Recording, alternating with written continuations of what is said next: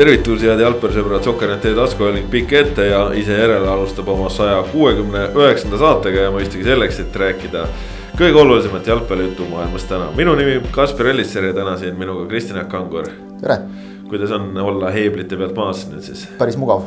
päris mugav, väga hea. mul on hea meel, ma ütlen nii palju, mul on hea meel ka selle üle, et meil on jalgpallisaade, et meil ei ole spordisaade, sellepärast et Äh, muidu me saaks teha siin jälle sellise kokkuvõtte mitte nädalavahetusest ega nädalast, vaid eilsest päevast, mille saatel saaks sõita Riiga ja tagasi tõenäoliselt, nii et äh, natuke kergemalt pääseb. ja Ott Järvele ka jah. tere. tere äh, no,. palju õnne Soomele jäähoki maailmameistritiitli puhul no ikkagi läheme sinna teisele, äkki siis lihtsalt, kuna meil on ka jalgpalli kuulajad, kes võib-olla hokiga ei ole kursis, siis keda soomlased võitsid? võitsid Kanadat lisaajal neli-kolm, aga vähemalt Eestis ma ütlen üheksakümnendatel eriti, null-nullindatel oli ka veel ikkagi väga selgelt, et jäähoki ja jalgpalli jälgijaskonnad kattusid väga olulisel määral.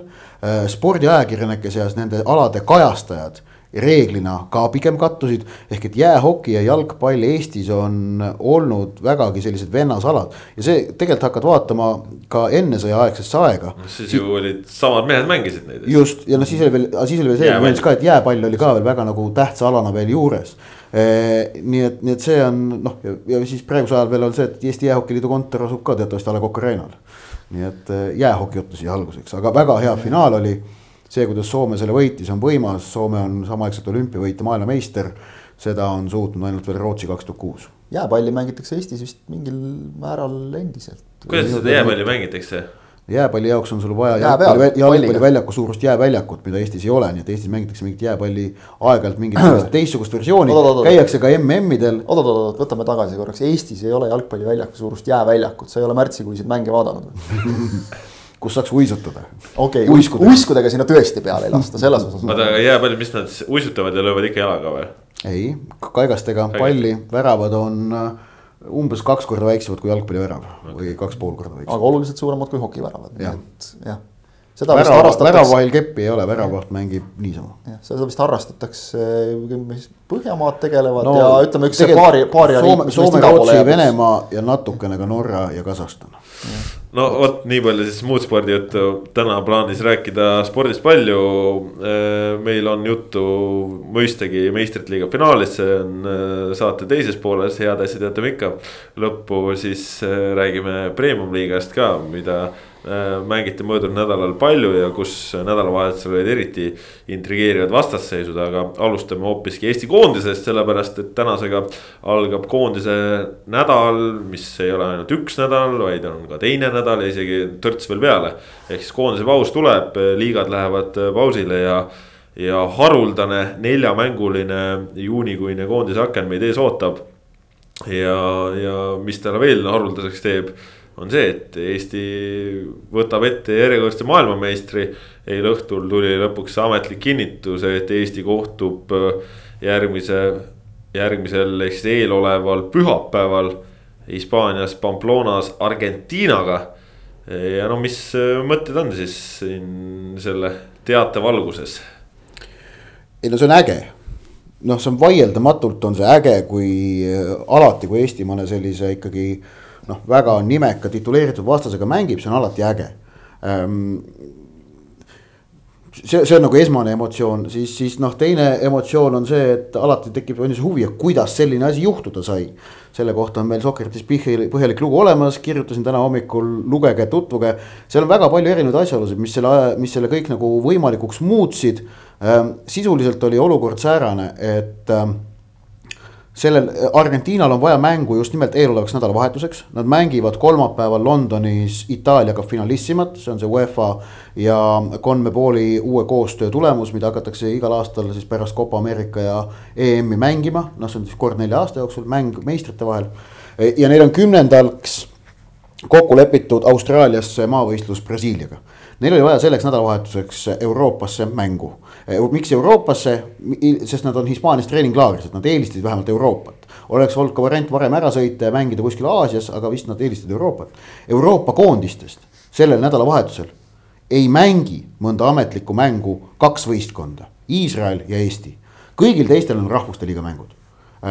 kedagi teist vaba ei ole ja algne plaan oli see, et Iisraeliga, Iisraelis niimoodi, et Iisrael maksab. ehk et noh, sama tüüpi mäng nagu oli Eesti-Brasiilia näiteks kunagi siin. See plaan ei õnnestunud.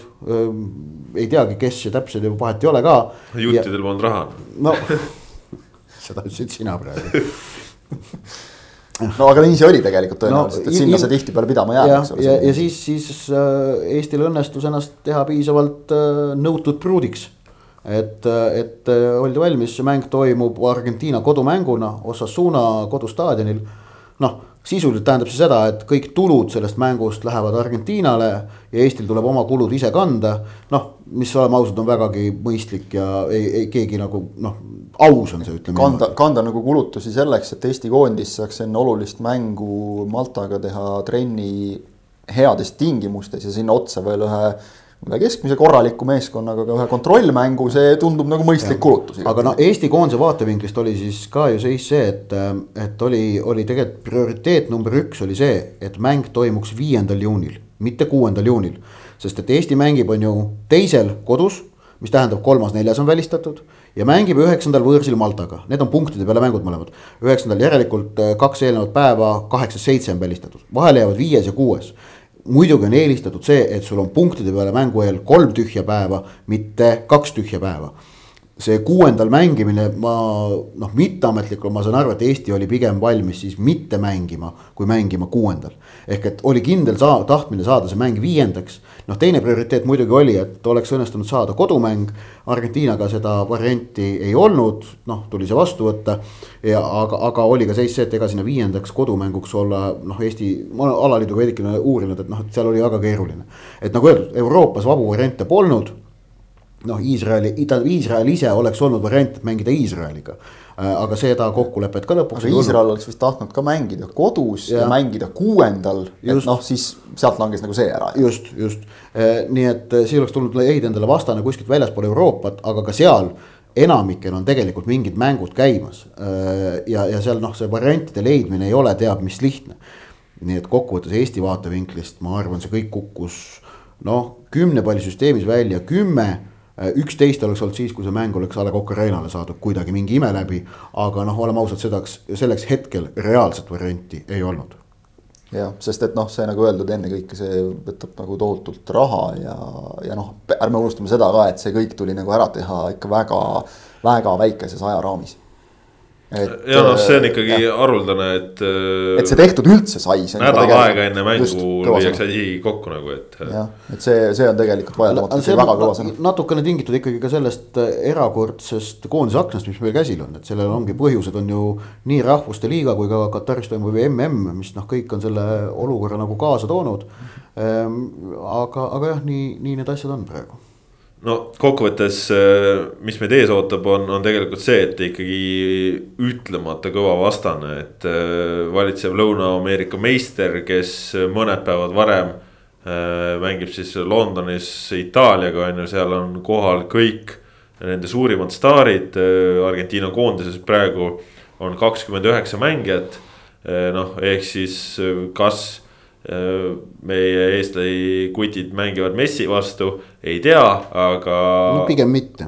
aga noh, välistada ei saa, on ju, aga ütleme, et kui ei mängi ka Messi, et siis kui tema asemel on seal rünnakul Paulo Dybala või Joaquin Correa, siis jah, e, siis on jah ei no, kui Argentiinal on siin aknas kolm mängu, Finalissima ehk Itaaliaga Wembley'l see on neile kõige tähtsam mäng, sest seal noh, okei okay,, see karikas on nüüd esimest korda mängus ja ma ei tea, kas seal on karikas, aga noh, see on nagu ikkagi selline au. ikka antakse. no see on auhinna peale mäng ikkagi noh. siis on, siis on mäng Eestiga, mis on kõige tähtsusetum. ja siis on mäng Brasiiliaga, mis on, kõik saavad aru, et on show mäng, aga noh, brasiillane kaotada ei taha, kuigi ega, ega, ega nüüd tähendab noh, mitte show mäng on vale öelda. aga noh, tal on ikkagi seda show'd on seal elementi on sees no seal es... midagi ei loe sellest. ja, ja kuna mäng Eestiga on seal keskmine, siis loogika ütleb, et kui nagu noh, et sa põhimehi kolm mängu ei kurna selles tsüklis see on nagu igati loogiline hooaja lõpus, et sa annad neile maksimaalselt kaks mängu, siis loogiline on see, et Eesti mäng on see, kus eelkõige saab teine koosseis peale. aga ma arvan, et see võib olla kusjuures sama ka Eesti vaatevinklist, et, et äh, kahe punkti mängu vahel on see koht, kus mõnedele põhimeestele tuleb puhkust anda.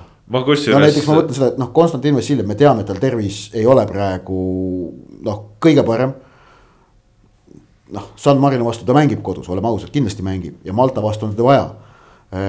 tuletan meelde, kuidas ta Uruguay vastu mängis kodus kunagi ka, tuli vahetuses sisse et noh, et see, see, see on nagu üks asi, aga eks, eks näis no,, vaadatakse üle ka. praegu tundub see, et kuna mängude vahel on eh, nii pikk, eh, noh, mitte just nii pikk, aga ikkagi on need vabad päevad seal olemas. siis eh, eeldada võib tegelikult ju ka seda, et Häberli tahab ikka ka võimalikult tugeva koosseisuga, et noh, sa ei taha ju häbi teha yeah., emotsionaalne yeah. pool on ju. ja, ja ta tahab mängida võimalikult tugevaga, aga seal ütleme noh, seal Mingi... on koht, kus, kus tuleb teha pragmaatilisi valikuid. ei, seda kindlasti, aga arvestame seda ka, et Eestil on äh, sinna tsükli või noh, selle neljamängulise tsükli lõppu veel mäng Albaaniaga, kus sa siis tõesti saad noh, nagu väga katsetada. see, see on kindlasti katsetamise koht. see on nagu see koht. no Albaania vastu Robert no. Kirss alustab, Rocco Robert Shane, ma arvan, alustab Rasmus Peetson äkki alustab ka. jah, Mark-Andres Lepik, ma usun, kes nüüd võeti koondisesse, saab seal, kas ta alustab, aga saab seal kindlasti oma võimaluse, eks ole, selles mängus. ma siin ütleks no. endiselt, et mulle tundub, et Häverli käekiri nii kardinaalselt muudatusi teha ikkagi ei ole. aga kuigi, seda, seda, et Kirss Albaania vastu alustab, seda ma usun täiega Kirsi kohta ütles ta isegi äh, sellel koosseisu tutvustaval pressikonverentsil, et Robert Kirss äh, tõi eraldi nimeliselt välja küsimata, et Kirss on üks mees, kes väärib rohkem minuteid. Hmm.. et ta nagu natukene kahetseb, et ta ei saanud eelmistes mängudes nii palju anda, kui Kirss oleks väärinud. Okay et noh, vaata, tal ei ole ka olnud sellist, sellisel kujul akent, tal ei ole ka nagu jällegi olnud, eks ole, et, et tal on olnud see, kus sul on see maavõistlus on seal kahe asja vahel või sa pead juba valmistuma nagu järgmisteks või noh, mõtlema nagu selle peale, lihvima mingit koostööd. siin see Albaania mäng minu meelest nagu annab võimaluse, et noh, ikkagi sa saad hoida nagu kõik need mehed, kelle sa nüüd kaasa võtad äh, nagu rahulolevana, et noh, nelja mängu jooksul kõik saavad ikkagi mingil arvestataval määral peale, mitte ka niimoodi, et saad mingi mängu lõpus kolm minutit. ma arvan, et, arvan, et seal on, seal on valikut. eks näis, kuidas väravvahtide seas jaotatakse võetakse, aga seal on ilmselt ka Karl-Andre Valneri debüüdikoht võimalik, võib-olla Albaania mäng muuseas. et aga noh, ma arvan, et jällegi Igonenile, võimalik, et Argentiina mäng läheb Igonenile, samas sa tahad Argentiina mängus esivärav vahile anda. eks näis, see on huvitav vaadata. noh, seal saab ka Poolat ka. aga, aga selle Kirsi teema ma võtaks kokku siis tõdemusega, et Toomas Häberli hindab Robert Kirssi oluliselt kõrgemalt kui Marko Savic. jah, hetkel küll vist tundub no jõuame no, sellest ka rääkida veel võib-olla, aga, aga selles mõttes äh, ütleme see, et mäng toimub Hispaanias, tähendab ikkagi seda, et noh, tegemist on eestlaste jaoks kõige tavapärasema Argentiina kodumänguga, et. Äh, Argentiina on praegu Bilbaos laagris, nad äh, pidasid eile vist oli siin sellise kergema avatud treeningu, mida oli San Mamesi staadionil vaatamas viisteist tuhat pealtvaatajat. No, siis olgu öeldud, Osasuna on ka Baskimaal, et ta ei ole küll, noh, ta on Bilbaost. minu meelest mingi tund-poolteist sõita vist bussiga, et noh, seal, seal nagu on ägedad linnad, kus see nagu käia ja vaadata. suts ja valmis nagu selles mõttes selles Euroopa nagu Kesk-Euroopa mastaabis, aga noh, ärme seda unustame, et, et seal jah, treeningul noh, viieteistkümnest tuhandest kümme tuhat tuleb ikka messit vaatama tõenäoliselt, eks ole, ja, ja noh, teisi ka. aga, aga jah, et nagu selleks mänguks seal pealt paarikümne tuhande, paarkümmend tuhat mahutavat staadionit täis saada ilmselt ei teki Argentiinal vähimatki probleemi, et Argentiina koondise turundamine üle maailma, noh, ei ole väga keeruline ülesanne Hispaanias on ta nagu, ma arvan, eriti lihtne, et, et see. seal ei pea nagu ekstra vaeva nägema, et paned lihtsalt info üles kuskile, et mängitakse ja sellest piisab, et saab selle staadioni täis, kindlasti tuleb nagu ägeda äh, atmosfääriga mäng. et noh, Eesti mängib äh, nii-öelda jah, Argentiina kodumäng on ta igas mõttes nagu, et mängime võõrsil, võõrsil Argentiinaga, nii nagu mängiks Argentiinas peaaegu, ma arvan ja, ja mäng toimub siis äh, Pamplonas põhjusel, et alguses taheti ja, ja tulgi, tuli ka meediasse, Argentiina meediasse, et. tahetakse mängida Anoetal, mis on siis San Sebastianis Real Sociedadi koduväljak, aga. aga seal hakatakse valgustust äh, uuendama, äh, kuivõrd noh, hooaeg sai just läbi ja siis. vist oli ka, vist oli ka Alavesi staadion Victoria Castesis, Mendes Sorroza korraks ja natukene kaalumisel. korraks kaaluti ka Malagat, mis on Hispaania teises otsas. Aga siis äh, Pamplona tuli ise, et kuule, meil siin kena Osasuna kodustaadion, et äkki mm. tahate mm -hmm.? jah, noh, see näitab nagu praegu hästi ära, kui me niimoodi kirjeldame, et, et mida Hispaania jalgpallikultuur endast kujutab, et selliseid staadione, kus nagu kõlbab Argentiinat võõrustada ja kes ise tahavad, neid on ikka ridamisi ja me räägime siis ühest väiksest piirkonnast tegelikult praegu nagu seda Malaga näidet kõrvale jätta. just no igatahes äh, kihvt saab olema näha väga-väga suur mäng, kõva ažiotaaž sellega kaasneb ka ja noh, kahju on natuke see, et Ragnar Klavanit ei ole, et tal on kogemus Messi taskus hoidmisest eh, omal ajal, kui Liverpooli no,. ta saab seda siin jagada, jagada siin noorematele kolleegidele, et kuidas see käis, et see väga keeruline ei tohiks olla ja. ja selles mõttes nagu ka äge, et, et me oleme siis nüüd, kui Argentiinaga saab mängitud, siis me oleme mänginud äh, kõikide maailmameistritega. Et tõsi, ütleme näiteks Hispaania jääb nagu omal ajal noh, sellest natuke välja, et me nii-öelda sillutasime neile teed maailmameistriks saamiseks.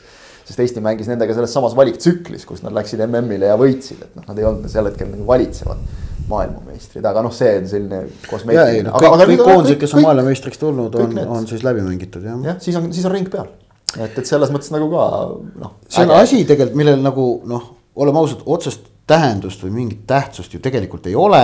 Aga, aga ikkagi on nagu tore.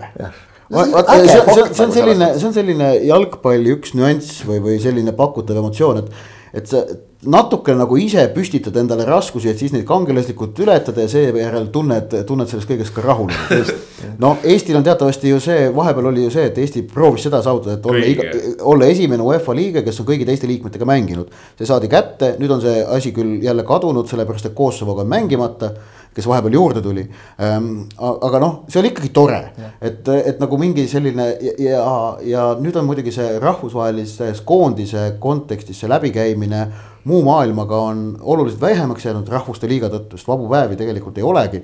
vaat ma just rõhutaks. vabu päevi pole eriti seetõttu, et meil on mingisugune Balti turniir siin jalus kogu aeg äh, sellega siin ka nüüd osad koondise fännid ajasid närvi jällegi, aga, aga noh, see selleks, et seetõttu noh, ei ole vahepeal olnud väga võimalik neid, äh, kuidas öelda kultuurilisi läbikäimisi muude, muude maailmajagude koondistega kogeda, et nüüd see võimalus jällegi õnneks on. Need on kuidagi põnevad jah, et kui me oleme, oleme siin mänginud just ka, ka Lillekülas palju nagu mujalt maailmajagudest pärit koondistega, et see on ikka ägedam, kui noh, ma ei tea, võtta jälle, ma ei tea, Poola. noh, kõva no, sats nagu, eks ole, tore kõik ja, ja võib-olla tuleb Levanovski ka, aga noh, samas nagu see, seal ei ole nagu mingit sellist er-, ekstra põnevust ei ole selle juures, eriti kui me räägime nagu maavõistlusest, eks ole.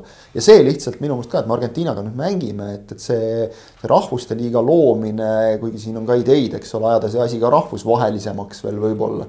et, et see on just nagu kärpinud kõvasti, kuna ta on maavõistlusi kõvasti kärpinud, siis seda läbikäimist nagu muu maailmaga Mm -hmm. et selle tõttu tasub seda hinnata, et kui praegu selline võimalus sülle kukkus, et noh, neid, neid tuleb tegelikult üliharva. no tegelikult järgmine, järgmine selles... võimalus oleks äh, novembris maailmameistrivõistluste finaalturniiri eel. aga siis on jälle vaja seda Balti turniiri siin no Eestis, sa... Eestis, Lätis, Leedus kärutada, selles mõttes mängida huvitavaid mänge. ja sa loetlesid need kokkulangevused ära, sul oli neid punkte seal vist mingi oma seitse-kaheksa, eks ole, mis tegelikult nagu ühe ära võtad, siis noh, oleks muutunud mängu toimumine noh peaaegu nagu võimatuks või ülimalt ebatõenäoliseks, ehk et noh, seal väga palju asju peab kokku langema ja praegu langes, et selles mõttes nagu väga kõva. küsimus äh, säärane, viskan laiale ringile.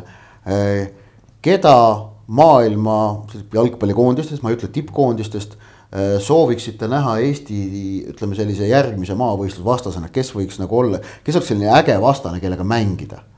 kellega seni mängitud ei ole, panen sellise asja juurde see, et seni, seni mängitud ei ole, on Just. juba päris keeruline. noh, Euroopa välistame, äh, noh siis Lõuna-Ameerikast on noh, Tšiili, Uruguay, Argentiina, Brasiilia on mängitud, Ecuador on mängitud, Venezuelat vist on ka kunagi mängitud. noh, et sealt. see oleks mingi sihuke, ütleme, et. Kolumbia tuleb kohe või? no Lõuna-Ameerikast jääb Kolumbia Mehhikoga on Eesti mänginud, USA-ga on mänginud, Kanadaga on mänginud. noh, et Põhja-Ameerikast oleme ausad, midagi ägedat ei ole. Lõuna-Koreaga no, oleme mänginud või? Jamaica äh,. Oh. aga, aga nii, kes sa küsisid? Lõuna-Koreaga ei, vot see on huvitav ja minu meelest Jaapaniga Jaapan. ei ole ka Jaapan, ja, ja mulle endale, ma ise ütleks esimesena, keda mina tahaksin kõige rohkem, oleks Austraalia. jah, kas Austraalia, vaata minu meelest Austraalia võimalus tegelikult on nagu päris arvestatav minu meelest, sest et Austraalia on mänginud ka, on laagerdanud Euroopas, kuna mängijad nagu Argentiinalgi praegu, mängijaid on nii palju Euroopast, mitte kodumaalt seetõttu nad on mänginud ka Euroopas äh, maavõistlusi. ja seda küll. et see seal nagu noh, on tõenäosus nagu olemas aga no Eesti koondis on muidugi kogenud ka nagu välisreiside tegemise osas neid Okeaania turneed, et, et saab siin Austraaliasse. no aga nende jaoks ka tegelikult enam ei ole reaalset aega. Äh, Okeaania turnee ja, ja ka Kariibi turnee toimusid siis, kui, toimusid tegelikult novembrikuise koondise akna järel noh, meil nüüd okei okay,, koroona ajal on see niikuinii, ookeani on olnud suletud, ookean hakkab alles nüüd Ukrainast ennast lahti tegema.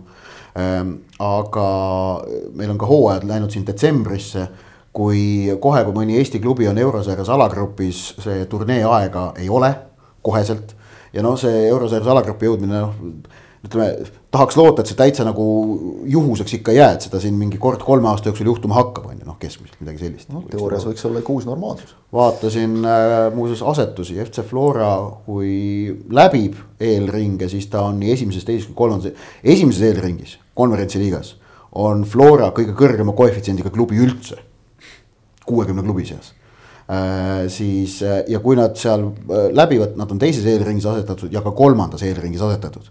ehk et asetamata oleks Flora ainult äh, play-off'is, kui me räägime eelringidest, kui nad muidugi nii kaugele jõuavad ja no läheme praegu siit nende põneva vastaste juurde edasi, sellepärast et neljapäeval ootab A Le Coq Arena'l ka üks põnev vastane, San Marino. ka täitsa sihuke sats, keda iga päev ei näe kellega viimati. keda iga päev ei võida ka, tuletame meelde. kellega viimati kohtudes endal on väga, ütleme sihuke nukker õhtupoolik meeles sealt. Eh, sa olid ka kohapeal? olin küll jah. jah, ma ka ma ei olnud, aga õhtu sellest rõõmsamaks ei läinud. muidu oli see San Marino reis toona kaks tuhat neliteist väga võluv reis. väga kihvt oli jah. ja see on selline võluv väikene riigikene, sai seal kindluses ringi tuiatud, vaadatud keskaegseid piinamisriistu. väga huvitav, sai proovitud kohalikke produkte, üks selline kollane liköör oli vägagi maitsev maitsev, vaated olid kaunid, vanalinn meeldivalt väikene ja siis mõtlesin, kuidas see asi nagu riigina on siin aastasadu olnud. kõik oli väga tore, aga siis see kurat mäng noh. kumb ebameeldivam kogemus oli, kas keskaegseid piinamisriistu vaadata või siis õhtul seda mängu vaadata? ei no keskaegset piinamisriistu ei ole ebamugav või ebameeldiv vaadata, neid on alati huvitav vaadata aga mängu? mängu äh, oli mõnevõrra huvitav, aga siis ikkagi noh, keeruline. siis jah. ikkagi juba ebameeldiv. vaata ilmselt ma noh, olles nagu ka mõnel koondise reisil käinud, kus nagu on täitsa põhjust nagu eeldada ja oodata, et äh, noh, seda vastast võiks ju ka võita näiteks. aga kui seda võitu siis ei tule, siis see on nagu topelt vastik kuidagi, et, et kui noh, saad suurelt jalgpalliriigilt, isegi kui saad kolaka, siis noh, korraks on piinlik, aga noh, läheb üle aga, aga kui saad niimoodi, vot siis see nagu üle ei lähe eriti, et, et jah. ja noh, oleme ausad, ega meil nagu tollases kodumängus San Marinoga ka nüüd väga midagi hõisata ei olnud, et saime sealt oma väravat kätte oli kaks-null vist. ma ei mäleta seda mängu. aga midagi minu mäletamist mööda seal midagi nagu üleliia kaunist ka ei olnud, et, et oleks nad nüüd siis maa sisse löönud või midagi sihukest. sellepärast tahakski näha, et neljapäeval oleks midagi nagu toredat ja positiivset jah ja nüüd nagu võiks, no mitte võiks, noh nüüd peab. jah, kui me mõtleme selle Rahvuste Liiga D-tasandi peale, siis no tegelikult Malta on ju meie satsi vastane ja, ja me ei ole neid alati võitnud, et mm. -hmm. ja noh, San Marinot ei ole ka alati võitnud, aga noh, kuule, see on ikka tilluke riik, noh. San Marino on ikkagi selline, et, et noh, kui sa nagu, kui, kui me Maltat ei võida, siis no, noh. vahel juhtub. jah, shit happens, eks ole, aga kui me ikka San Marinot ei võida, no siis siis on lihtsalt shit, siis ei ole happens nagu. ei noh, see, see on kohustuslik võit ja, ja, ja noh, vot see on juba see, millest sai tegelikult räägitud äh, märtsis, kui need mängud Küprosega olid, mis lõpuks tuksi läksid, et. et selle D-divisjoni ja eriti tolle koosseisuga alagrupi, kus oli, kuhu oli teada, et selle Eesti-Küprose mängu kaotaja langeb, äh, Malta, San Marino vastased mm. -hmm. et selle, selle kolmiku häda on siis see, et isegi võit ei ole nagu selline noh, tavaline kaks-null võit ei ole sündmus, mis, mida nüüd eriti tähistada, okei okay,, kui Maltat võõrsil kaks-null võidad, siis on nagu noh, see on kõva. no rõõmustada no, võib. kõva, aga see on okei okay.. see on noh, korralik no,, tubli töö. sellega võib rahul olla ja võib ja. rõõmustada nagu. aga kui kodus San Marinot kaks-null võidad, siis see ei tekita emotsiooni, see on selline, et noh, töö tehti ära. sai tehtud jah. jah, et okei okay,, kui sa juhtud tampima viis-null, siis see nagu tekitab sellist nagu. kuivõrd hea meel jah. jah, just. keegi viis-nulli puhul keegi ilmselt suudab mingi ilusa ka lüüa ja noh, nii edasi. ja no siis on see noh, aga, aga no vaadates selle aknale reaalselt otsa, et siis ka Häberli no ta ilmselt jah, San Marino mängu osas ta ju mingit asja ei võtnud, aga Malta mängu kohta, võõrsmängu kohta ütles ta seda, we have to be smart. ehk et eh, tegelikult on seis see, et noh, et eh, kuna mängitakse turniiri, siis noh, Maltal eesmärk number üks on vältida kaotust mm. -hmm. siis sa jätad endale kõik võimalused koju no see on asjade reaalne seis, ega see noh, Malta nüüd nii saast ka ei, ei ole. ei ole, ei ole, ei ole, me ju, mis me Pärnus mängisime nendega viimati ka viiki ju. jah, no ja. enne seda see ei, see oli viimati oli siiski, kui võõrsil mängiti kaks tuhat, kaks tuhat seitseteist, siis võit, kindel kolm-null võit. Eestis oli viimati kaks tuhat, see oli Pärssoni lõpp, see oli kaks tuhat kuusteist. Mhm. oli see mäng See oli Pärnus oli üks-üks, toona oli ja sats oli väga halb juba ja sealt tuli see Bosnia õudus null viis otsa ja siis oli Magnusel minek on ju. Rootsi aeg sai läbi. jah. No igatahes selles mõttes küll, et ütleme, et ootused-lootused on kõrged.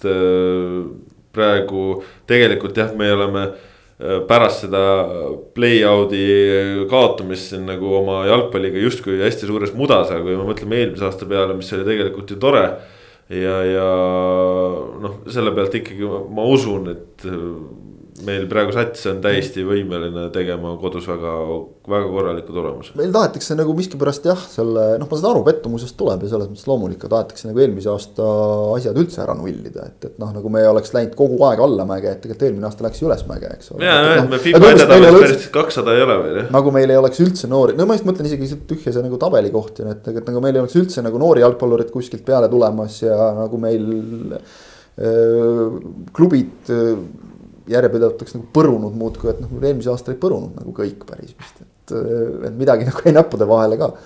et noh, ega nüüd tegelikult ongi see, et kiruda ja vanduda võib, koondis on seda ka teinud kindlasti. Häberli andis aimu, et ega talle ka need vahepealsed kuud noh, nagu lihtsad ei olnud, et ikkagi sellest pettumusest, tohutust pettumusest ülesaamine. eriti kuna see tuli noh, nagu tõusu järel ikkagi nagu jälle põhja kukkumine korraks et, et see, see võttis aega, aga et noh, nüüd on sellest üle kolme kuu möödas.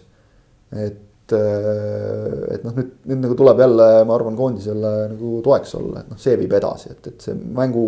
see mängulust, mida näidati tegelikult Häberli käe all, kui ta tuli, et see, see, see noh, see on olemas kindlasti. et see jälle välja tuua ja, ja noh, ütleme, kui me saame selle San Marinoga nagu korraliku alguse tehtud sellele tegelikult ju väga lühikesele valiksarjale. kus tõesti nagu Ott ütles, et noh, tuleb olla tark ja sa ei tohi endale mitte ühtegi libastumist lubada tegelikult. sest et siis esikoha püüdmine läheb ikka nagu väga keeruliseks. siis noh, kui, kui sealt saaks nagu korraliku vundamendi panna alla, siis, siis on on jälle paremini, ütleme, ei ole veel hästi, aga on jälle paremini, et, et võtta see, võtta see D-divisjon ära ja minna edasi. siin tuleb meeles pidada, et UEFA võistlus siis, et no oleme ausad, noh, San Marino peaks selles grupis viimaseks jääma, et kui Eesti-Malta esikohale mängivad, et siis UEFA võistlus tähendab, et loeb mitte üldine väravate vahe, vaid omavahelised mängud mm. -hmm. et FIFA võistlustel loevad üldine väravate vahe. ehk et, ehk et noh, näiteks jah, see, et kui sa, kui sa Maltal kaotad null-üks, siis äh, kodus kaks-null võiduga on sul esikoht kindel eeldusel, et sa San Marinot mõlemat korda võidad, et noh, näiteks sellised ja. arvutused tasub meeles pidada, et, et see, palju sa San Marinole lööd. Malta, Malta äh, määravaks ei saa. Malta võib nüüd ka lohmida vahepeal, aga õnneks noh, see ja. on nagu selles mõttes nagu rohkem enda kätes natukene. nojah, ma enam muidugi toetan üldiselt FIFA süsteemi alati, et üldine väravate vahe on see, mis peaks kõiki asju lahendama. mõlemal on plussid-miinused, ma arvan, et noh tuleb lihtsalt arvestada seda, et see natukene muudab nagu lähenemist selles mõttes. aga koondise koosseis ka tuleb meil täna kokku kakskümmend seitse nime esimese hooga ja siis sinna veel lisandub Rocco Robert Chain ja, ja täna veel siin oli tõesti muudatus, kus Rauno Alliku jäi kõrvale asemele Mark-Andres Lepik, mis muljeid see koosseis tekitas Kristjan Jaak, päris suur ja mahukas nimekiri. suur ja mahukas nimekiri, noh nagu praegu huh,-huh-huh, oluliselt parem, kui oli enne Küprose mängu, eks ole. et jah, Rauno Sappinen on puudu, oluline puuduja. Õnneks on sinna asendajaid võtta. kellel on ka noh, läinud nagu päris hästi, Erik Sorga sai Rootsis väljakule ja tundus seda nagu täiega nautivat, ehk just nagu emotsionaalses plaanis tõus pagana Markus Berg, kes tema jala pealt põhimõtteliselt palli ära võttis, Sorga oleks sealt värava kirja saanud suure tõenäosusega, see oleks nagu eriti hea olnud. aga see selleks, võistkond võitis, hea emotsioon, sai mängida Göteborgi kodustaadionil Lullevil, noh. oli, oli näha, et, et talle meeldis see. ja, ja ta on selline mees, kes nagu emotsiooni pealt teeb, et, et see, see on oluline kindlasti. Henri Anierist, noh, ei ole selles mõttes vast nagu mõtet rääkidagi, et tõestas ka ikkagi Aasias oma klassi on saanud nüüd natukene puhata, et ma arvan, et noh, vaimselt väga oluline tulla sealt tagasi Eestisse, olla siin peresõpradega ja, ja sealt noh, ka nagu head emotsioonid saada. ma arvan, et Zenjov on ka ikkagi ründaja ja. selles äh, aknas vägagi no, teda, aktiivselt hõl, hõlmatud. ja teda on Häberli eraldi nagu maininud, et ka Zenjov võib seal mängida, ehk et noh, ta ilmselt nagu selle variandiga arvestab. et noh, selles mõttes Sapineni puudumine nagu ei ole, ma arvan, suur probleem. Märten Kuusk ütles vähemalt Häberli niimoodi siin mõned päevad tagasi, et, et San Marino mäng tuleb tema jaoks liiga vara. peamine põhjus on see, et, et kui seal ei ole vist üldse mängupraktikat, et noh, lükata ta nagu kohe praegu koosseisu ei ole nagu väga mõistlik. aga et selle akna jooksul ilmselt on võimalik teda nii-öelda koosseisu rohkem sisse mängitada näis, kui hästi see õnnestub, eks seda nüüd näebki noh, nagu mängude pealt, milline on seis, võib-olla on San Marino vastu selline seis, et sa saad talle anda lõpus näiteks kakskümmend minutit, mida iganes, eks ole et äh,. keskkaitses noh, ei ole lahendusi, lahendusi tegelikult on, just, et seal nagu ei ole probleemi. ja suures osas ju tegelikult Koondise, no, pole koond... nagu väga suuri mure, küsimusi rohkem, et kui näiteks Mattias Käit oli eemal, noh siis on kohe see, et kes asendab. selliseid kohti minu meelest praegu nagu väga ei ole ju tegelikult ja et noh, hea uudis on see, et Konstantin Vassiljev on äh, terve, et esialgu see vigastuspaus prognoositi olema pikem ja tegelikult ta ei oleks pidanud ka eile Tallinna Derbis mängima, kuna Markus Poom sai vigastada. siis noh, eks näis, milliseks Poomi roll koondises jääb, aga aga Vassiljev mängis üheksakümmend minti ja pidas vastu, mis on esialgu hea uudis, loodetavasti seal midagi hullemaks ei läinud. Siin on tahtnud Vassiljevit juba noh, nagu kõrvale lükata, et nüüd tuleb noorematele võimaluse anda, siis nooremad peavad ta enne üle mängima ja küll siis nagu saab. ja noh, Shane'ist oleme rääkinud, Shane oma võimaluse nüüd saab, ta aitab alguses U kakskümmend ühte, mis on igati mõistlik, sellepärast et seal ta on põhimees seal ta saab tõenäoliselt kaks korda üheksakümmend minutit või vähemalt kaks korda on kindlasti algkoosseisus. väga hea, siis liitub A-koondisega ka väga hea, nagu öeldud, Albaania mängus on kindlasti tema suur võimalus. Äh, Häberli ütles jälle väga nagu hästi välja, et Shane on kindlasti A-koondises mängimiseks nüüd valmis. see näitab ka, et, et noh, ta on, ta ütles, et ta on Utrechtiga suhelnud. on ka neid mänge näinud kindlasti, mida Shane on seal saanud teha just esinduse eest, et äh, väga hea, üks mees juures jälle lisab ka nagu sisemist konkurentsi, isegi kui Shane ei ole koondise juures, need, kes seal on, teavad, et üks mees on veel tulemas. tuleb jälle üks protsent juurde panna ka trennides ennast tõestada, ainult hea. konkurents, sisemine konkurents on asi, millest Eesti koondisel, nagu, mida ei ole kunagi liiga palju olnud. ja ei ole ka praegu, aga praegu seda sisemist konkurentsi päris paljudel positsioonidel jagub. see on ainult positiivne ja selle tõttu on vaja ka neid vanameistreid sinna koondisesse. et noored poisid ennast liiga mugavalt ei tunneks, et nüüd on koht käes on vaja Sander Puriti, on vaja Konstantin Vassiljevit. aga, aga mis puudutab koosseisu, siis noh, nagu Hääberli puhul ikka üllatusi ei ole, sest et noh, tal ongi, tal on see ring on suhteliselt paigas. on väga selgelt, minu meelest on aimatav, et kes ja kuidas sinna tuleb ja kes sinna ja kuidas sinna ei tule. ning, ning selle pundiga ta edasi töötab, noh, noh, ei ole üllatusi seal koosseisus loogiline kõik. ja sa ei saa praegu selliste mängude eel hakata, siin esimene mäng on kohe punktide peale, hakata siin mingeid suuri eksperimente tegema. ei no jaa, aga kellega sa väga eksperimenteeriksid? no ka seda jah, ka seda. no eks siin äh, selles mõttes noh, mingid kohad, millest saab rääkida, noh kolmas väravaht on ju. et kes ta on, no selles mõttes ega suurt vahet ei ole, et kas ta on äh, Valner, Aksalu või Meerits, et kõik on väga hästi mänginud, aga noh, seal saab nii-öelda teoreetiliselt arutada. Äh, noh, ja siis noh. no see on see, et kui me räägime. Vašuk jäi jälle kõrvale on ju vigastuse tõttu. kui me seal... räägime, kui me räägime kolmanda väravavahi või, või viienda ründaja küsimusest. siis noh, tegelikult need on pseudoprobleemid. ja need on ka pseudoarutelud. Need on arutelud arutelude pärast, need on, need on kohad, kus, kus tõesti noh treeneril on mingi oma nägemus ja ta lihtsalt realiseeribki seda ja, ja, ja selliste detailide kallal nokkimine on minu meelest kiuslik ja pahatahtlik. Valneri puhul võib öelda näiteks seda, et noh, Meeritsat ja Aksalut, kui juhtub midagi Heina ja Igoneniga, võid sa noh, kinnisilmi väravasse usaldada, mõlemat. Valneriga on lihtsalt see, et ta ei ole koondises mänginud. Hea võimalus anda talle nüüd ka nagu mäng, sest et tegelikult koondise maitset on ta juba tunda saanud trennides nagu ja. kõvasti. et noh, see, on mängijale kasulik, eks ole, ta ütleme, ei alusta sul olude sunnil näiteks valikmängus, kui noh, selleks peaks ja. muidugi juhtuma päris mitme väravavahiga midagi, aga et noh, aga, aga tõesti, ma olen Otiga nõus, et see on noh, see on tegelikult see on, see on selline nüanss, see on see null koma null null mingi üks protsenti sellest kõigest, mille koondise aken moodustab. kolmanda väravahi küsimust veel lahates, et siis noh, loogiline on see, et kolmanda väravahi positsioon, kes koondises mängib harva-harva, on eelkõige perspektiivika väravahi koht. kui sul ei ole vaja sinna ansamblisse just tuua kolmanda väravahiga tohutut kogemust, aga seda mul on tunne, leitakse, et ei ole vaja, kuigi Hein on ka väga noor, aga et Igonenil on seda kogemust. ühesõnaga kogemuse muret ei ole, et ilmselt seda annab ka Mart Poom sinna sellesse ansamblisse. natuke annab jah ja. tal üht-teist on anda. et, et, et noh, see on nagu, see on nagu loogiline lahendus, et noh, Valneril on, Valner on noor väravvaht, Meerits ja Aksalu on kogenud väravvaht. no aga okei okay,, viiendast ründajast ei tahtnud rääkida, aga räägime neljandast ründajast, siis Rauno Alliku langes ära ja asemel toodi. see on viies ründaja, see on Joff on eespool neist no praegu Sapineni pole ju meil. ja, Anier, Kirss, Sorga no,, see on Joff okay, ja siis tuleb viies no. on see Alliku või Lepik. okei okay.. nüüd on siis Lepik. no vaatame okei okay,, viies ründaja, et okei okay,, Lepik tuleb, aga kus on Sten Reinkord?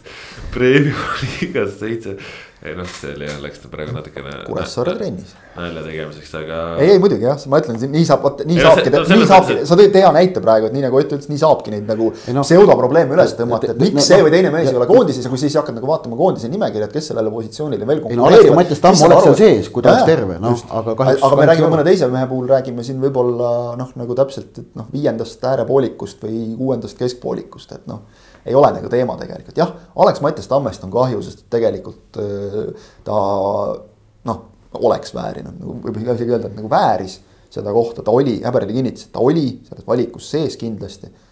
Äh, kahjuks vigastus, noh, on ennegi juhtunud, meil on juhtunud ka seda, et, et saadakse äh, vist kuidas läks Artur Rätteliga kunagi, kumba pidi see oli, et kas sai vist äh, hommikuses trennis vigastada ja siis jõudis kohale koondise kutse või oli see vastupidi, aga sama päeva, sama päeva jooksul igatahes, et on ka nii läinud ja on läinud ka maailma jalgpallis niimoodi, et, et noh, see on elu noh. aga mis selle Mark-Andres Lepikusse puutub, äh, jah, ega ta ju nüüd mingis ulmehoos ei ole praegu olnud, aga tema kaasamine siis A-koondisesse muudab oluliselt hõredamaks seisuga U kakskümmend üks koondises.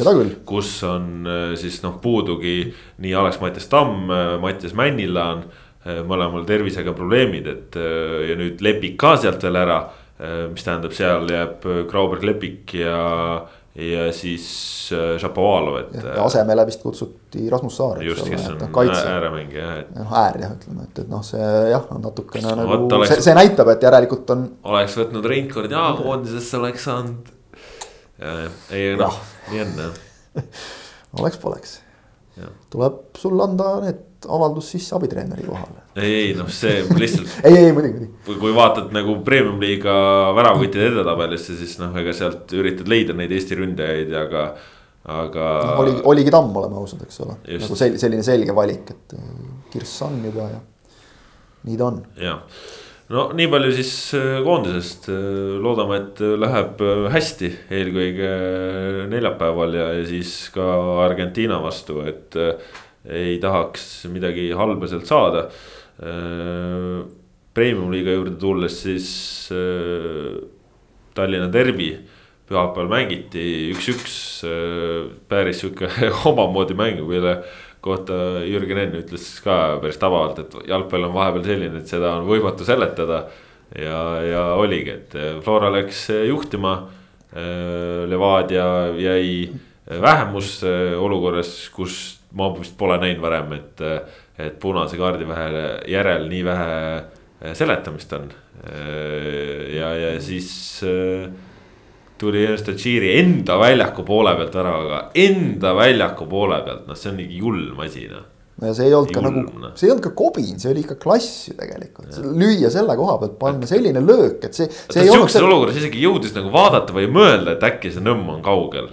ja ta ise ütles pärast mängu, et äh, tõstsin korraks pilgu, vaatasin ja noh, tuli panna põhimõtteliselt.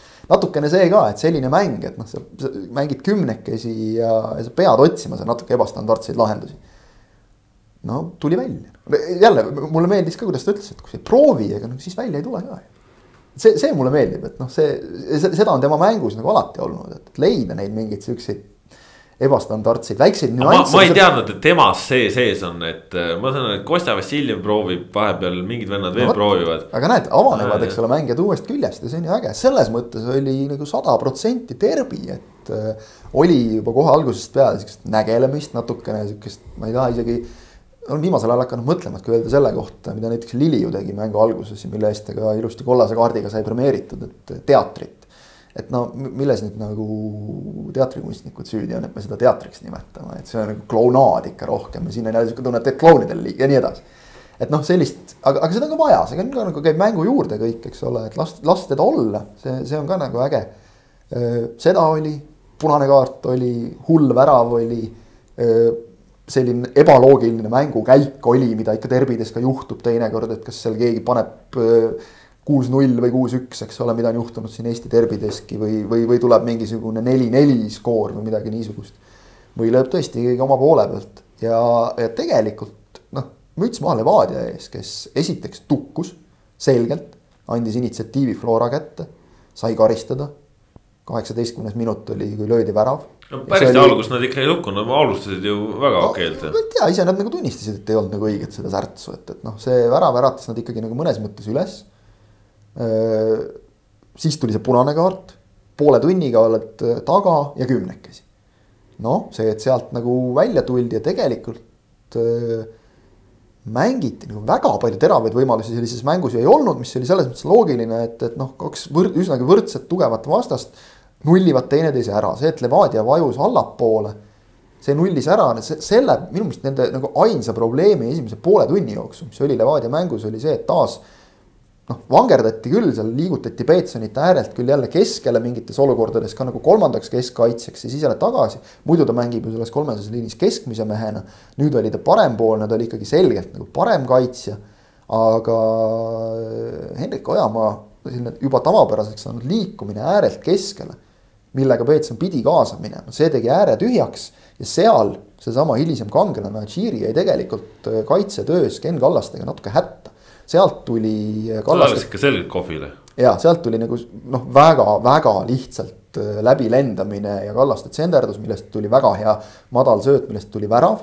seal eksiti ka muidugi keskel, et Miller oli nagu nii üksinda, aga sealt nagu kärises. ja kui Levadia jäi kümnekesi, siis äh, vajus Lepistu allapoole, nagu on tavaks, eks ole, mängiti noh, nagu selgelt rohkem kaitsest lähtuvalt ja sellist ruumi Florale sinna ääre peale enam ei tekkinud. Kallaste küll mingi, mingid šansid ikkagi sai sealt ka, ka siis, kui, kui Levadia oli juba vähemuses, need tulid enamasti siis, kui eksiti taga, Valner eksis ühe korra väga rängalt. seal oli veel eksimusi natukene, aga, aga, aga nagu selle, selle tegelikult nagu vastu oma enda tahtmist. Levadial oli, oli võimalus ära nullida, see, see probleem ja kuidagi, ei taha öelda, et Flora rünnak ümmarguseks jäi, aga, aga sellest lõppteravusest jäi ikkagi natukene puudu.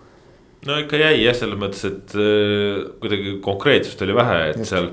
Zenjov lõi poiste olukorras, kus Valner jälle käkkis äh,. aga oli tal seal õnne, on ju, ja, ja. see oli ka nagu, eks ole, Levadia kingitud olukord ja meenutame Adžiri võimalust esimese poole lõpus mis tuli ka tegelikult omakorda, kui mu mälu ei peta, nagu Florakate mingist kehvast söödust oma poole peal. et et, äh, et sealt ju tegelikult äh, Nõmm tegi supertõrje. et ta tõi alt nurgast palli ära, mis oli ikkagi nagu väga vastik ja kui Nõmmest rääkida veel, siis noh, tuleb spetsialistide käest üle küsida, aga mulle tundus, et ega midagi nagu Nõmmele selles Adžiri värava olukorras ette heita ei saa. liin oli, liin oli, Flora kaitseliin oli minu meelest keskjoonel ehk liin oli nii kõrge, et siis eeldataksegi tänapäeval värava vahelt, et ta tuleb kaasa. jah, ja pall oli nende käes, sa ei eelda, et antakse selline suhteliselt noh, nagu ei saanudki nagu kellele see sööta no Kõrg vist otsis sealt Soometsa, Soometsal läks see pall selja taha ja siis läks see sealt kuidagi läbi. et noh, Tšiiril oli kuidagi nagu eriti kergelt tuli jala peale see pall. ja, ja noh, oli hea löök. et oli hea löök, et vahel me näeme, kas väravaht nagu puterdab või koperdab, aga et noh.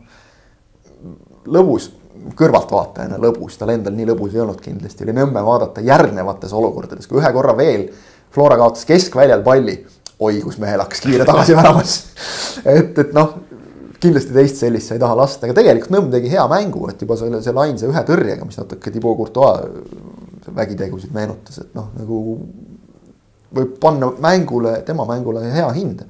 aga, aga isegi oli nagu tunda seda, et, et noh, Levadia nagu natukene olid väga rahul, et said punkti kätte. Nad ise rääkisid, seda oli ka huvitav kuulata, kuidas Vladimir Vassiljev rääkis võimalikust kuuepunktilisest vahest kui peaaegu kui faktist see siis selle pealt, et Floral on üks mäng varuks, et noh, nagu eeldati, et ega nad seda ikka nagu ära ei anna. ehk et see oli tegelikult Levadia jaoks väga oluline, et tõesti jah, oleks võinud olla, et siis selle järel on vahe siin jälle, Flora järgi mängib kuus, aga, aga, aga oli Levadial oli see tunne nagu, et, et oleks võinud veel saada rohkem. no Levadia mängiski ju tegelikult äh, päris korralikult ja, ja tõesti äh, mäng oli, oli selles mõttes äh, hea ja meeldis see, et oli palju rahvast, et tuhat nelisada üks pealtvaatajat ja tõesti melu oli, tervit oli. see oli vist see koht, et kui sa tuhat nelisada paned, siis keegi ei usu. tuhat nelisada üks.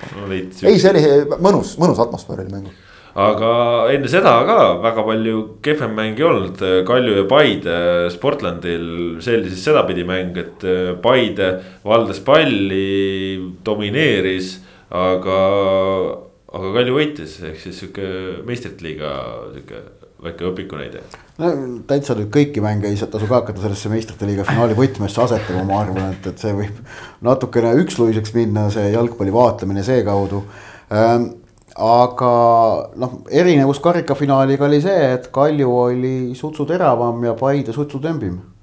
ja, ja sellest piisas, kuna nad on ikkagi väga võrdsed võistkond, siis sellest piisas, et seekord mäng läks teistpidi. no ja samas jälle Paidel kolm posti, eks ole no Marko Meerits tegi Meer, väga, väga hea töö. no, no tegi Meerits hea töö just noh, Paidel oli, aga Paide oligi natukene tõmbim ka, et noh, neid, nad lõpuks ikkagi nad ei löönud ära. no et kui sa posti lööd ja väravasse ei löö, siis jah ja.. jah, et kui noh, Robbie Saarma saab seal viie kasti pealt löögile, aga tuleb seal värava keskel vastu Meeritsat, noh siis jah ja. ja. et siuksed asjad, noh, seal muidugi kõige suurem teema oli Herol, et äh, see, mis esimesel poolel juhtus, kuidas ta vajus maha oli hirmuäratav, aga, aga noh, tore on see vähemalt, et. et praegu kõik testid, mis on tehtud, näitavad, et tervisega on ikka kõik korras, et. no hirmuäratav oli ta veel eriti seetõttu, et täpselt sama juhtus ju Narvas Ryan Lintsiga ja, ja sama asi muide, et ka kõik testid näitasid pärast, et kõik on korras. aga noh, seal ongi noh, nüüd okei okay,, et, et, et kui eelmine aasta Kristjan Eriksoniga juhtus see, mis temaga EM-finaalturniiril juhtus siis noh, seejärel ju äh, kogu see teema, jalgpallurite kokkuvajumine väljakul sai palju tähelepanu. Äh, noh, järeldus oli seal, esmane asi, mida nagu rõhutati arstide poolt, oli see, et alati, kui ilma kontaktita mängija kokku vajub, tuleb seda igaks juhuks käsitleda kui äh, südameseiskumist, ehk surma. Ähm, kuigi päris mitmetel puhkudel sellega tegu ei ole, et, et on no on olemas ka muudsugused noh, atakid on vist õige sõna öelda. Mm.. et, et aga jah, et ma usun, et noh, tähendab nüüd selle Heroli näite puhul on ka, et näha, et Rii, kuidas Riiberg, mis Riibergiga eile juhtus, et, et seal noh, minu meelest nagu paanikat ei tekkinud. et kõik teadsid, mida on vaja teha. Ja, ja selles mõttes oli asi jah nagu kontrollitud ja noh, Erol jäi alati ka kontaktivõimeliseks, mis äh, mis oli, et ongi, et tal oli jah, see pigem nagu kõhu ülemises servas oli, oli see pitsitus, mitte päris rinnus, et. vahel juhtub, et jah, võtab kuidagi nagu hinge kinni või midagi, vot seal on see ka, et, et kui kellel on hing kinni kasvõi löödud, et sa tahad nagu öelda, et ei, mul on kõik okei okay,, aga noh, see tekitab nagu mure ja, ja noh, ütleme ka natukene hirmu ja Narvas oli samamoodi nagu hea näha, et, et kohe joosti mõlemalt pingilt mis võimaldab, eks ole, siis noh, arstidel juba nagu jaotada või, või füsio või kes, kes parajasti on, eks ole, mängul, et äh, jaotada seda, et noh, seal oli ka näha, et üks tegeles mängijaga, teine juba, juba helistas kiirabisse ja noh, see on alati, mida kiiremini jõuab kohale kiirabi, seda, seda parem. ideaalis loomulikult jah, oleks hea, kui Eesti mängudel oleks ka premium-liiga mängudel kiirabi kohal. aga noh, oleme ausad, see on veel üks ressurss, mida klubidel. ei, tegelikult siin on ei, ju. osad on olnud, eks ole, vahel. ei, siin selles mõttes on ju aga..., see on ju reeglitega määratud, et kui kohal ei ole, siis on kokkulepe, et nad peavad olema mingisuguse hetkega siin, et see.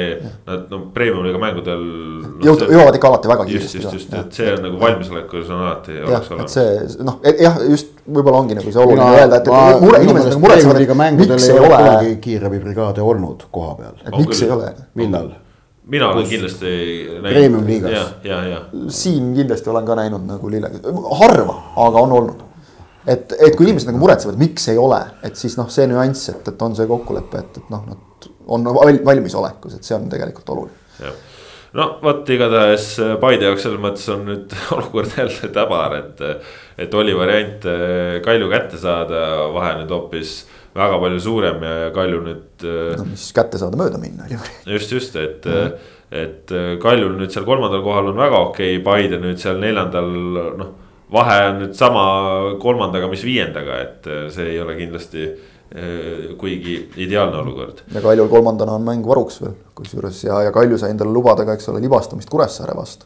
kellel oli jällegi väga hea nädal, et, et viik Kaljuga ja kolm-null kindel võit Tammeka üle, noh ega see tegelikult nii kindel ei olnud mängu vaadates, aga seal oli libastumise kohti ka, aga Kuressaarel läheb jätkuvalt hästi ja et Kuressaare. kuusteist vooru, kakskümmend kolm punkti, ma arvan, et hooaja eel oleks nagu keegi läinud Kuressaarele pakkuma seda, siis mitte ei oleks nagu lahkelt vastu võetud, vaid oleks küsitud, et kas sa seda valget särki ei taha, kus varrukad selja tagant kinni käivad, et see no, tundub nagu üle mõistuse hea tegelikult. ilmselt mõni oleks seda kahtekümmet kolme punkti pakkunud ka hooaja lõpuks parimal juhul või võib-olla isegi vähem, on ju. Mhm. et selles mõttes ja, ja eile ka ju Tammeka vastu sihukesest õnnetust oma väravast äh, mind juhtima, siis Pajunurm sai teise kollase, jäädi vähemusse, aga siis selle asemel, et asi oleks lappama läinud, löödi hoopis eh, ise teine, noh seal. no seal Tammek aitas kaasa, et, et kui sa nagu teed ründava vahetuse ja saad minut hiljem nagu ise punase, noh siis juhtub nii, eks. jah, ja noh, seal see teine värav ka, Sander Laht läks, noh, ma julgen ikkagi öelda oma nõrgema jalaga, mis ei ole ka väga nõrk. Läks karistuslööki lööma, Kiider lasi seal üle põlved omale sisse ja noh, siis lõpuks Reinkord ei tahtnud Tammekale lüüa, et lükkas siis mängu jooksul või selle hooaja jooksul oma esimese sõõdu Sander Lahel niipidi ka, et muidu saab laht lükkab ainult alla, et. jah, no see sellest ma kahtlustan, et sellest äh, versioonist tuleb nagu see tavapärane Sander Lahe koefitsient maha arvutada või, või siis nagu jälle juurde arvestada, et aga jah, ei noh, see nagu näitab ka, et, et kui selline lõõp käib pärast mängu, et, et meeskonnas sees on asjad väga korras ja Kuressaarel on asjad väga korras, et.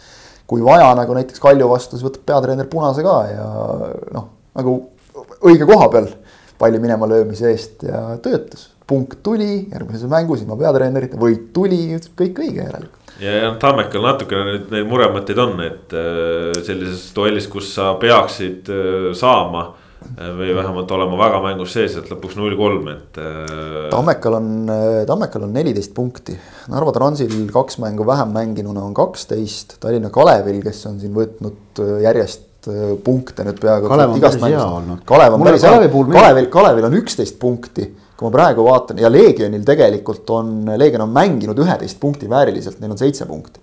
et kui sa praegu vaatad nagu Transi, Kalevit ja Leegioni ja mõtled, et et mis, mis suunas nemad liiguvad mänguliselt.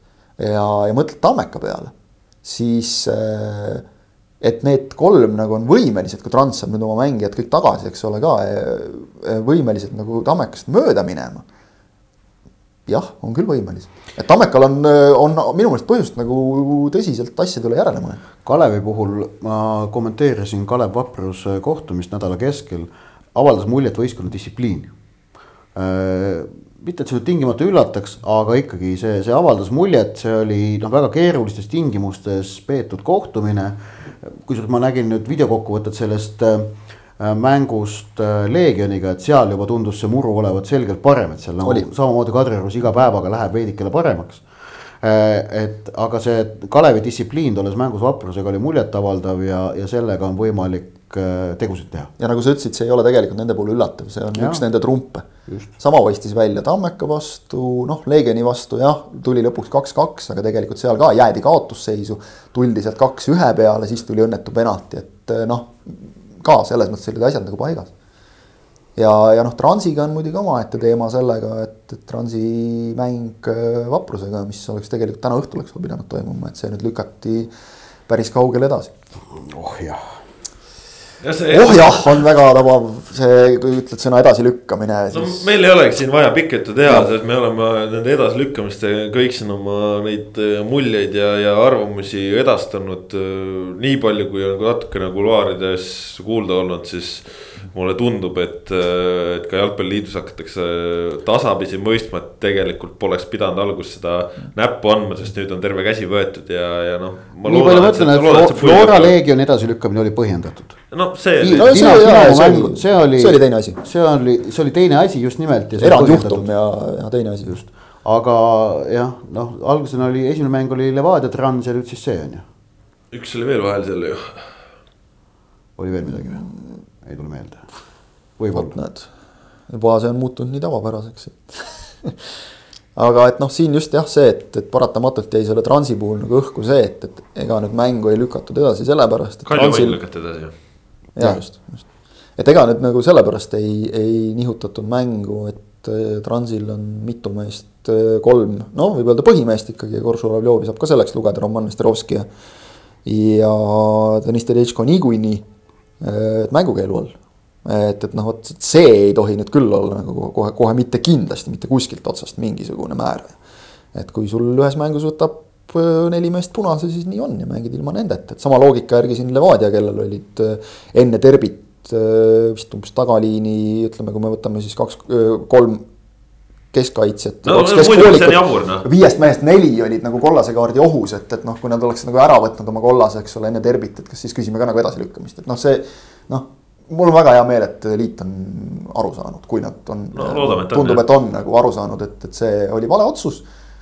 oskus seegi oma vigu tunnistada, loodetavasti läheme nüüd normaalselt edasi. just, läheme nüüd veel siin saate lõpus ka meistrite liiga finaali juurde, sellepärast et äh, ikkagi Euroopa klubi jalgpalli tippsündmus, äh, oodatud mäng. Äh, väga õpetlik mäng oli minu meelest no ütleme, esiteks täiesti sürreaalne, et meistrite liiga, liiga finaal saab olla mäng, mida lükatakse edasi kõigepealt viisteist minutit, kolmkümmend minutit, siis kolmkümmend kuus minutit, siis lõpuks kolmkümmend seitse minutit läheb, läheb aega ja siis see oli omaette teema ja kõik see korralagedus, mis Pariisis, mis, mis Pariisis aset leidis, see oli vastuvõetamatu. selle saab minu meelest kokku võtta tegelikult väga lühidalt. hetkel, kui me salvestame, käib praegu Pariisi uus pressikonverents, kus räägitakse, prantslased esitavad oma versiooni no,. lõppkokkuvõttes sellist nagu kokkuleppele, mis seal täpselt juhtus, osapooled ilmselgelt ei jõua. see on nagu kindel laks. seal nagu tundub, tundub aga... olevat nagu selge, äh, inglased noh, seal võis olla võltsitud piletitega sissepääsuüritajaid või neid, kes proovisid tõesti tormi joosta. kõigi vastu, kõiki mindi nagu ühe puuga lööma. kõigile, kes on seal kohal käinud, kirjeldavad valimatult kõigile pisargaasi, noh, neid koheldi nagu pätte ikkagi. kui me vaatame uudiseid näiteks tänasest või eilsest tegelikult, eilsest õhtust, kui Saint-Etienne kukkus Prantsusmaa kõrgliigast välja. mismoodi seal läks laamendamiseks ja mismoodi Prantsusmaal on tõsi, paljuski ultrafännid viimastel aastatel nagu noh, möllu teinud, võib, ütleme, mõneti aru saada, miks politsei niimoodi käitub jalgpallifännidega, eriti kui nad tulevad Prantsusmaale Inglismaalt, ärme seda unustame, seal on taust aga ei salli teineteist lihtsalt. ei salli lihtsalt, no nii on, noh inglased ei salli prantslasi, prantslased ei salli inglasi.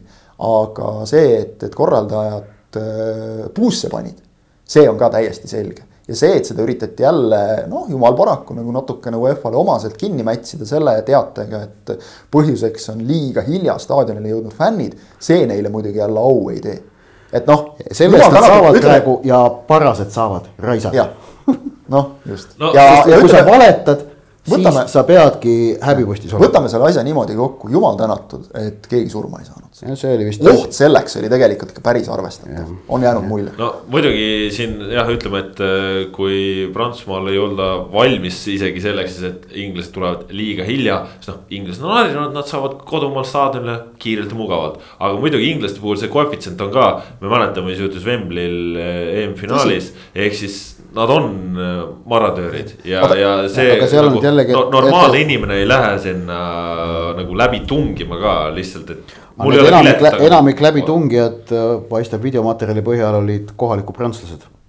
mitte, mitte, kes olid küll jah, samas pundis, kus olid Liverpooli fännid aga noh, vaatad, ütleme niimoodi, e, vaatad natukene meestele näkku otsa ja sa saad aru, et need on kohalikud, mitte, mitte inglise fännid. arvestame seda ka. see, see on, video pealt on ka häält kuulda, see on nagu aru saada. sul tulevad äh, kümned tuhanded fännid, noh, sa pead selleks valmis olema, et seal võib tekkida ka jamasid, lahendus nagu tsiviliseeritud Euroopast räägime.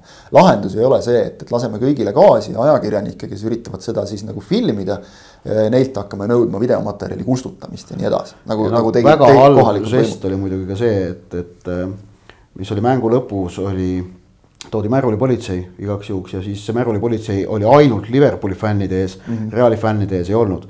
isegi kui riskihinnang ütleb, et Liverpooli fännide poolt mingi jama on nagu suurem okei okay,, aga vii teisele poole ka, et sa, no jälle, see on lollus, see on lollus ja ülbitsemine ja arrogantne suhtumine korrakaitsjate poolt. ja selline olukord õõnestab igasuguse, igasugust usaldust. see on, see on see just see sinu, sinu öeldud see ülbus ja see on see, et äh, äh sa mainisid sõna korrakaitsjad. kas nad on korrakaitsjad või nad on nüüd need, et lööme korra majja. vaat see mm. hoiak, kui, kui see korra kaitsmine läheb üle selleks, et meie tulime, meil on vahendid, me lööme korra majja, siis lähevad asjad käest ära. aga räägime mängust ka. jah no seal võivad ka tulla lüüa korra majja, aga ei löö. ei no ma, ma, ma, kui ma seda sõna õpetlik kasutasin, ma pidasin silmas jah mängu, mitte seda, mis seal ümber mängu toimus. oli, oli väga õpetlik, oli väga õpetlik mäng ja, ja noh, ma arvan, et Liverpool, tagantjärele olles mõtisklenud, mul tunne, et Liverpooli energianivoo oli oli tavapärasest madalam. seetõttu nad läbimurret saavutada ei suutnud, jah, Thibaut Courtois tegi väga-väga häid tõrjeid väravas. aga see ei olnud ikkagi ainukene põhjus, et, et Liverpool ikkagi seda oma noh, näiteks seda nivood, mida nad suutsid näidata Inglismaa karika poolfinaalis Manchester City vastu mängu esimesel poolajal. mäletab, kui nad kolm-null võitsid selle poolaja. Sellest tegelikult jäi Liverpool päris kaugele. kuuskümmend kolm mängu hooajaga. ja, ja ikkagi suhteliselt noh, selge tuumik, kes on need kuuskümmend kolm mängu mänginud, eks ole, ja Liverpoolil jäi puudu finaalides, tegelikult ju löödi kokku, et neljas finaal, siis no kolmes finaalis nad mängisid, eks ole. null väravat. ja null väravat no mis äh, minu jaoks oli üllatav, oli see, et Liverpool tundus juba mängu lõpus ka vaimselt kuidagi täitsa nagu surnud olema, et seal ei. seal, seal ei olnud seda põlemist, et jah, me nüüd tuleme, et nad, see oli umbes nagu, et okei okay,, et Real Madrid juhib ja, ja meil ongi perses nagu, et. aga kui sa push'id nagu ennast, sa pead ennast push ima nagu hooaja jooksul nii palju üles, iga nädal no, Man City. see on meistrite liiga finaal. Man City hoiab sind iga nädal surve all, ära alahinda seda, et äh, liiga tiitlist ilmajäämine oli kindlasti äh, väga valus. see oli ikkagi väga valus, eriti kuna korraks tekkis nagu tunne, et seda on nagu võimalik saada. jah, Klopp võib rääkida, kasutada oma seda mentality monsters, seda, seda väljendit ja kõike. ega see Real nüüd nagu vaimselt kehvem ei ole, eks ju. Real oli puhanum ja ma arvan, et just nimelt vaimselt puhanum. sest neil oli ikkagi, nad said viimased nädalad valmistuda rahulikult selleks finaaliks mängides veel koosseisuga, pea puhtaks, eks ole, kõik, kõik selline, said võidupeo tegelikult rahulikult, tiitlipeo nagu ära pidada. kõike seda, see Liverpoolil oli kogu aeg noh, lihtsalt nädalas, praktiliselt vahepeal nädalas kaks korda, sul on kogu aeg mingi suur mäng, mida mängida. Nad mängisid ju ka veel nädala sees enne seda liiga viimast vooru, mängisid veel eelviimase mängu, eks ole, no ühesõnaga. see, see suur mäng, kaks üsnagi võrdset võistkonda nüansside taha jääb asi ja seal jäigi selle taha, et Courtois'l oli super päev. ja Liverpool suutis endast anda, ütleme võib-olla üheksakümmend viis protsenti, aga mitte sadat. oligi kõik. minu jaoks oli see muidugi naljakas või noh, kurb naljakas, kuidas nagu justkui Mo Salah on nüüd süüdlane.